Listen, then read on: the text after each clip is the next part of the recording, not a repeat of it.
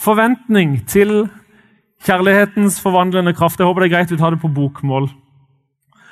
Eh, for, for, eh, forventning det, altså, Nå har jo noen som reflektert over det. både altså, to, to, stykker har stått der. Så tenker jeg ja, strengt tatt så er, ikke, så er forventning et nøytralt ord. Men, men, som vi har hørt fra begge to som har innleda, så, så, handler det jo oftest, aller oftest om noe positivt. Eh, er man forventningsfull, så er det sjeldent at det er pessimistisk. Men allikevel, forventning er et nøytralt ord. Og, og, ikke alle forventninger er positive. Skal vi se på neste? Sånn har vi det som bor i Bergen. Gleder du deg til sommeren? Jeg bor i Bergen. Da trenger vi trøst. Sånn er vår forventning. Eh, ikke alle forventninger er realistiske heller. Hvis vi ser på neste. Og strengt tatt og det er, bare, det, Dette er en parentes i talen. Men den, den, amerikanske drømmen er jo, og, og kommer fra Hollywood hele tida, er jo at du kan bli hva du vil bare du jobber hardt nok og følger drømmene dine. Og det, mine kjære venner, det er en løgn. Som dette er et eksempel på. Du kan ikke bli hva du vil bare du drømmer hardt nok. Kan jeg fortelle barn og ungdommer det? Og Vi har hørt, har hørt mennesker som snakker om, om, stress og depresjon som opp, møter dem når de gir alt, og så oppnår de ikke målene sine. Og hvem andre har de å skylde på enn seg sjøl? Man kan ikke bli hva man vil, men man kan bli det Gud har skapt oss til å bli. Og det er noe helt annet. Det er spennende. Det var en parentes. Eh, noen forventninger eh, er ikke så veldig eh, altså Noen forventninger oppnår vi ikke. Hvis du tar neste. Den fant jeg på Finn. Jeg tror egentlig det skulle vært en bindestrek der. At noen som gir vekk noen Ikea-skuffer. Men Ikea-skuffer eh, og det, det, må man jo innrømme at det er en ganske ærlig og ganske sann eh, I hvert fall hvis du har forventninger til Ikea. Og i hvert fall hvis du har forventninger til Ikea en lørdag. Noen som har prøvd det noen ganger? Min kone sa i gang jeg skal bare en rask tur innom. Vi var på vei hjem fra et selskap. Det må man aldri gjøre en lørdag på Ikea. Så Ikea kan skuffe av og til. Men, men han er i hvert fall ærlig. Det, det skal man ha. Noen, noen sånne er ærlige. Eh, for det forventning bærer med seg muligheten til å bli skuffa. Forventning bærer med seg eh, en, en, eh, altså Man tror at noe skal skje, man har et håp om noe der framme. Og så er det en mulighet for at man blir skuffa, fordi forventninga ikke hadde realisme i seg. Det man drømte om, det man håpte på, det oppnådde man ikke. Man baserte forventninger på et sviktende grunnlag. Det er ikke så fryktelig farlig om ikke er skuffer. Men den kristne forventninga hvis vi tar den, den ligger i bønnen som Jesus lærte oss. Vår Far i himmelen.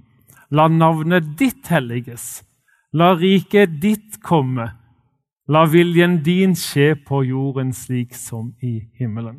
Det er den kristne forventninga her på jorden. Det er drivkraften for arbeidet vårt. Drivkraften for arbeidet i Indremisjonssamskipnaden.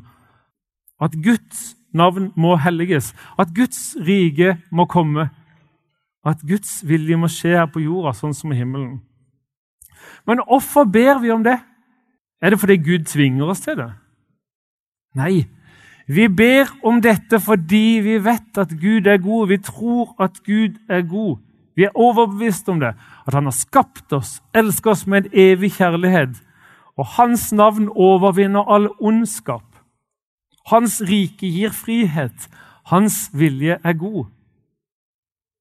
For oss og for alle menneskene rundt oss.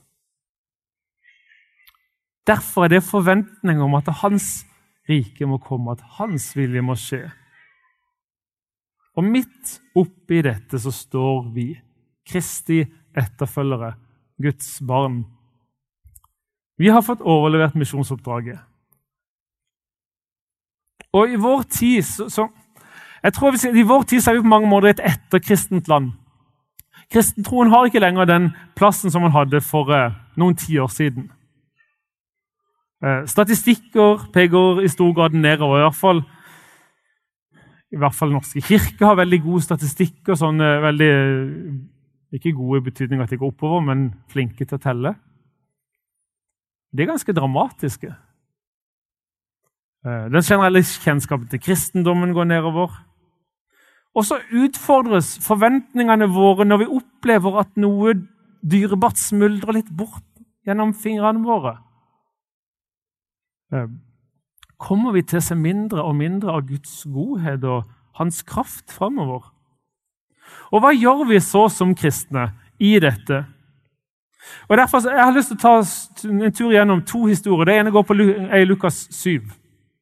To historier som kanskje kan gi oss en viss pekepinn på hvordan vi skal håndtere den situasjonen vi befinner oss i. I Lukas 7 så er det en historie fra vers 51. Hva finner Lukas 7 har jeg skrevet. Lukas 9. Unnskyld. Jeg, var, jeg syns det var så fint det bildet med det syvtallet på den benken, så jeg bare valgte et syvtall. Så skrev jeg Lukas på den benken, men, men det, var, det er Lukas 9, bare i tilfelle noen sitter og blar og ikke finner det i Lukas 7. Sånn, Da våkna de som allerede hadde sovna. Dette er en historie der Jesus og disiplene er på vei sørover fra Galilea, skal ned til Jerusalem. Jesus går eh, spott og pine, korsfestelse og død i møte. Og Som reiserute så velger de, også denne gangen, sånn som de gjorde i, i eh, Johannes 4, også denne gangen så velger de å reise gjennom Samaria. Det gjorde ikke jødene så veldig ofte. Eh, fordi det var fiendskap mellom samaritanerne og jødene. Så velger Jesus å dra gjennom. Jeg tror faktisk jeg, jeg tror faktisk Jesus likte å reise gjennom Samaria. Ja, Jeg tror faktisk han likte samaritanerne.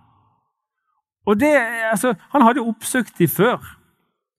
Denne kvinnas liv ble møtt av Jesus der i Johannes 4 med brønnen. Og han møtte med respekt og med ærlighet og med sannhet. Og livet hennes ble snudd opp ned. Jeg tror Jesus faktisk ikke bare likte samaritanerne, jeg tror han elska dem. På ordentlig. Ikke bare fordi han måtte, fordi han, men det er jo tross alt Guds sønn. så det er jo riktig å si at Jeg elsker. Jeg tror faktisk hver celle i Jesu kropp sa at 'jeg elsker samaritanerne'. Derfor drar de igjennom Samaria. Og ikke nok med at de drar igjennom Samaria, men de, nei, de faktisk tar inn i en landsby for å, for å se om de kan uh, finne et sted å overnatte. Hæ? Du overnatter bare ikke i Samaria. Det er ikke særlig jødisk av seg. Men det gjør han. Og Kanskje det var en slags utstrakt hånd, en ønske om uh, vennskap. Og så blir de nekta overnatting. Denne utstrakte hånda blir avslått. Fiendskapet blir bekrefta og befesta. Var det ikke det vi visste? det utakknemlige folket samaritanerne. Og da våkner Jakob og Johannes til live. De to som ble kalt for tordensønner. Du kan egentlig forstå det når du ser her i, i um, Lukas 9. Fortsatt 9. Så sier de, 'Herre, vil du at vi skal by ild fare ned fra himmelen og fortære dem?' Og hjelpes meg, det var da voldsomt. Altså, Hva drev Jakob og Johannes til i det hele tatt å tenke i de banene? Var det forakt? Behovet for å sette samaritanerne på plass? Det var det vi visste. De er ikke verdt å samle på. Ja, Nå skal de virkelig få se hvem de har med å gjøre. Den hellige Gud. Og så har de et bibelsk belegg for det. For i i eh, første kongebok 1 så, så byr Elia ild og fare ned fra himmelen og fortærer 100 soldater fra israelskongen Ahasja. De har en bibelsk måte, parallell. Vil du, nå, eh, eh, vil du nå at vi skal la ild fare ned og fortære dem? Det er vel riktig nå. Dette er vel en passende anledning. Det er vel rett og rimelig at de får møte Guds vrede. Og jeg lurer på jeg tror, Nei, egentlig så har jeg møtt vi har noen tordensønner i Norge også. Kanskje til og med her. Noen som har eh, temperament og tydelighet, med engasjement og nidkjærhet. Gode, gudgitte personlighetstrekk. Men noen ganger så går det litt galt på veien. De, har, eh, de kan til og med gi et bibelsk begrunnelse for harmen sin, for sitt engasjement.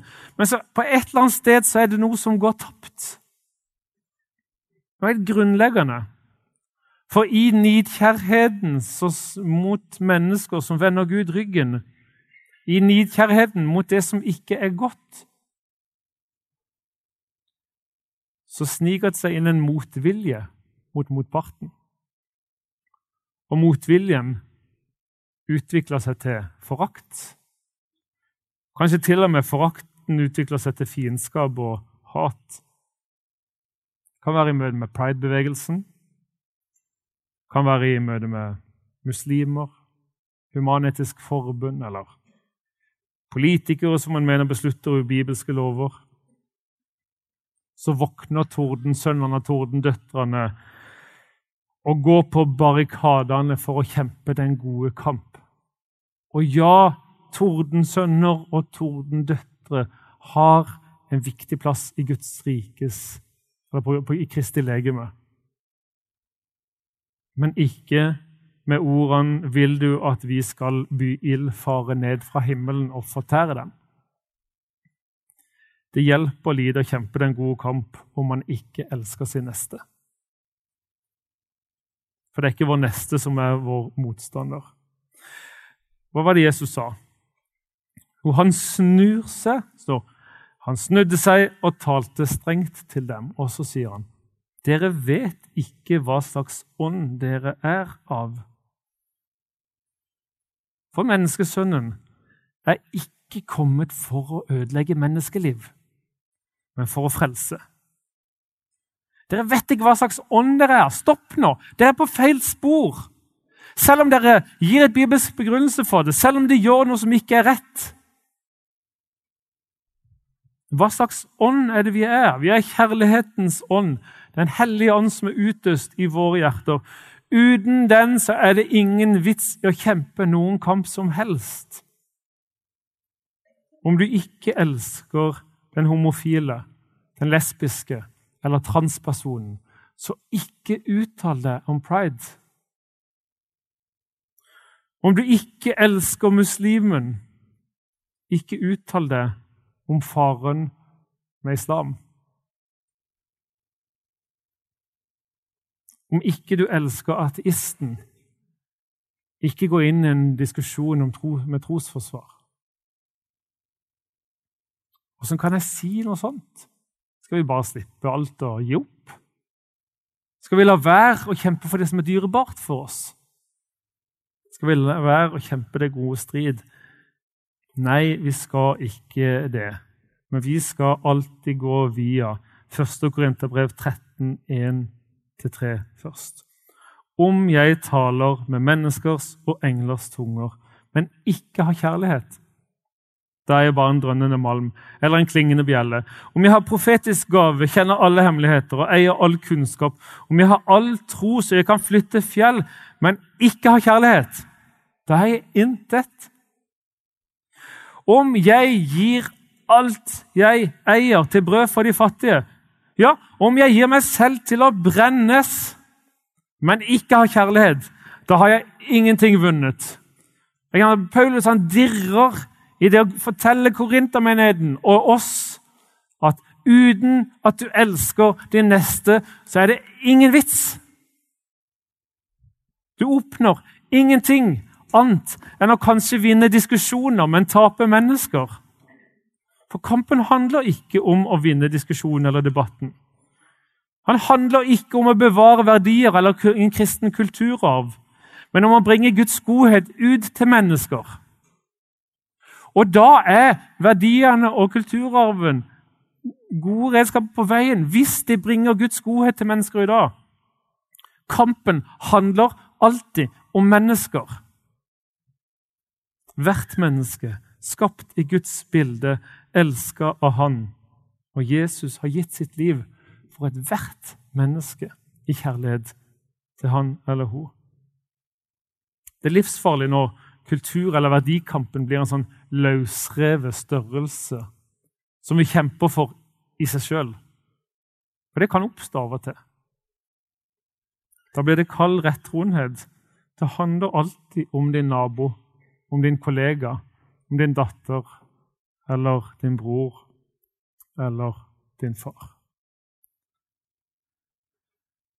Vil du at vi skal by ildfare ned? Skal vi sette de litt på plass nå? Nei, dere vet ikke åssen ånd dere er. Kjærlighetens ånd. Han er ikke kommet for å ødelegge menneskeliv, men for at mennesker skal bli frelst. Det er det som er oppdraget vårt. Den andre historien den håper jeg vi møter i uh, Matteus 26. Jeg er ganske sikker på at det er riktig kapittel der. Da har uh, Jesus og disiplene kommet seg til Jerusalem. De har uh, spist det siste måltidet. De har gått ut i Getsemane. Jesus har ligget på knedd og bedt i angst. Far, om det er mulig, så la denne kalken gå forbi. Men ikke som jeg vil, bare som du vil. Han har kjempa at svetten renner som blodstråper, og disiplene sovner underveis. Og plutselig så kommer Judas med en flokk av soldater. Og Judas kommer bort og sier 'Vær hilset, rabbi', og kysser Jesus. Og Jesus svarer, 'Venn, nå har du gjort ditt.' Da er det en annen av disiplene som våkner. Det står ikke i Matteus, men i Johannes hvem det er. Da er det ikke Jakob, det er ikke tordensønnene Johannes, men da er det Simon Peter. Da våkner han.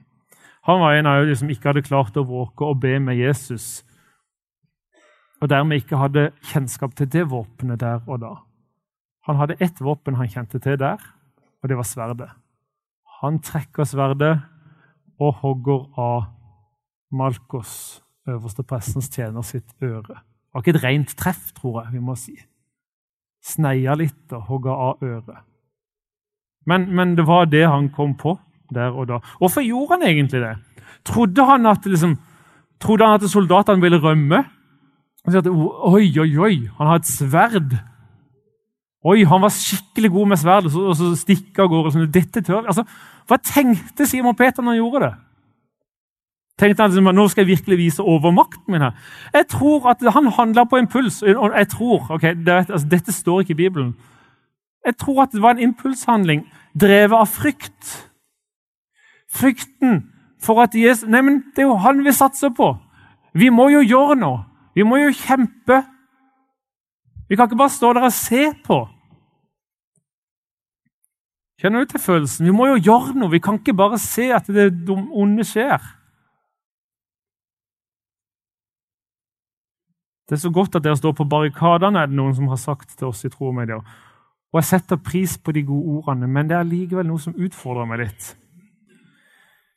Eh, fordi det å stå på barrikadene Det er en fare for at vi står der for å,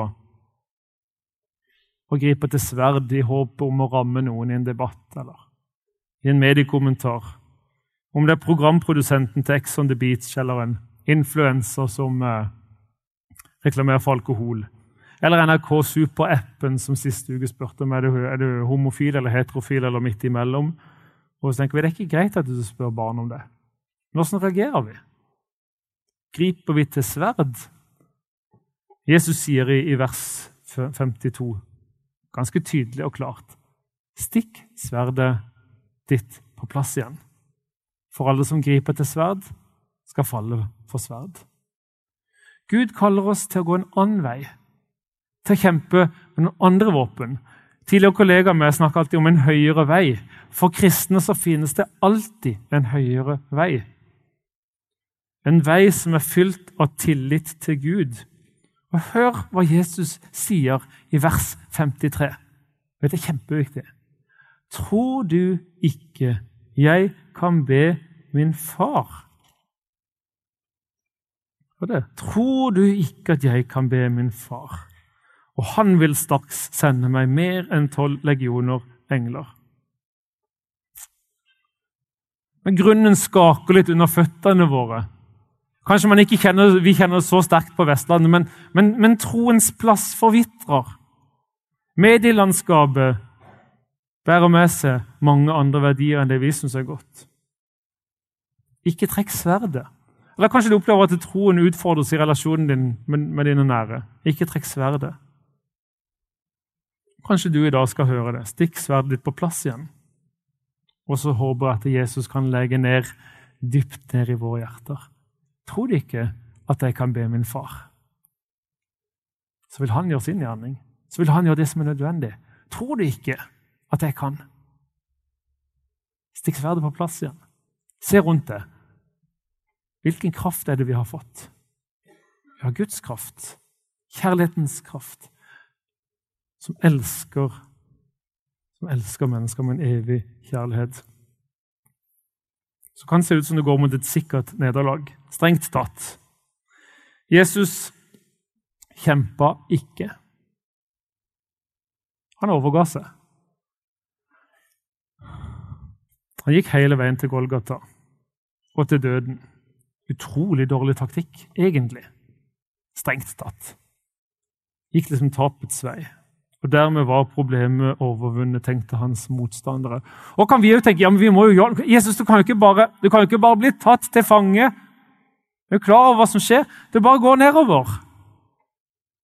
Men tingen er at helt nederst, helt nederst det er der Gud møter mennesker med nåde. Det er der vi skal. For Jesus gikk helt nederst. Så langt ned at han kan løfte ethvert menneske opp igjen. Filippane 2 finner vi noe som heter Kristushymnen. Og Det er utrolig vakre ord som forteller om veien Jesus gikk. Filippane 2. Han var i Guds skikkelse og så det ikke som et rov å være Gud lik, men ga avkall på sitt eget, tok på seg en tjenerskikkelse og ble menneskelik. menneskelik. Da han sto fram som et menneske, fornedret han seg selv og ble lydig til døden, ja, døden på korset. Han ga avkall, han ble en tjenest, tjener, og han ga sitt liv. Han ga avkall, han ble en tjener, og han ga sitt liv. Derfor har også Gud opphøyd ham til det høyeste og gitt ham navnet over alle navn. Og Det syns jeg er utrolig vakre ord som legger ned noe i våre hjerter, en takknemlighet og tilbedelse til Gud. Men Eller, eller ikke men, kanskje heller og. Les på de ordene som kommer rett før Kristushymnen. De utfordrer oss i dag, som lever, om det er på Stord eller Bergen eller andre steder i området. Hva står det? La samme sinnelag være i dere som òg var i Kristus Jesus. Han som ga avkall, som ble en tjener, og som ga sitt liv. La samme sinnlag være i dere. Når vi opplever at det er ting som undrer vekk, når vi opplever at kristentroen eh, mister en del av sin posisjon, kanskje til og med som privilegier, hva skal vi gjøre? Vi skal tjene og elske. Alltid. På veien der så seirer Guds rike. For Guds kjærlighet spres til mennesker rundt oss. Det er ikke en lett vei å gå. Det er dødens vei. Men Bibelen forteller oss at liv skapes gjennom død. Herre, la oss gå kjærlighetens vei, elske vår neste. Uansett hva det er som vekker eh, Om det er forakt eller frykt eller andre følelser av, som ikke er positive, her. la oss få kunne kjenne tilliten til det, forventninga til at din kjærlighet skal fylle oss og prege mennesker rundt oss. For det er der verdens håp er. Din kjærlighet som setter mennesker fri. I Jesu navn. Amen.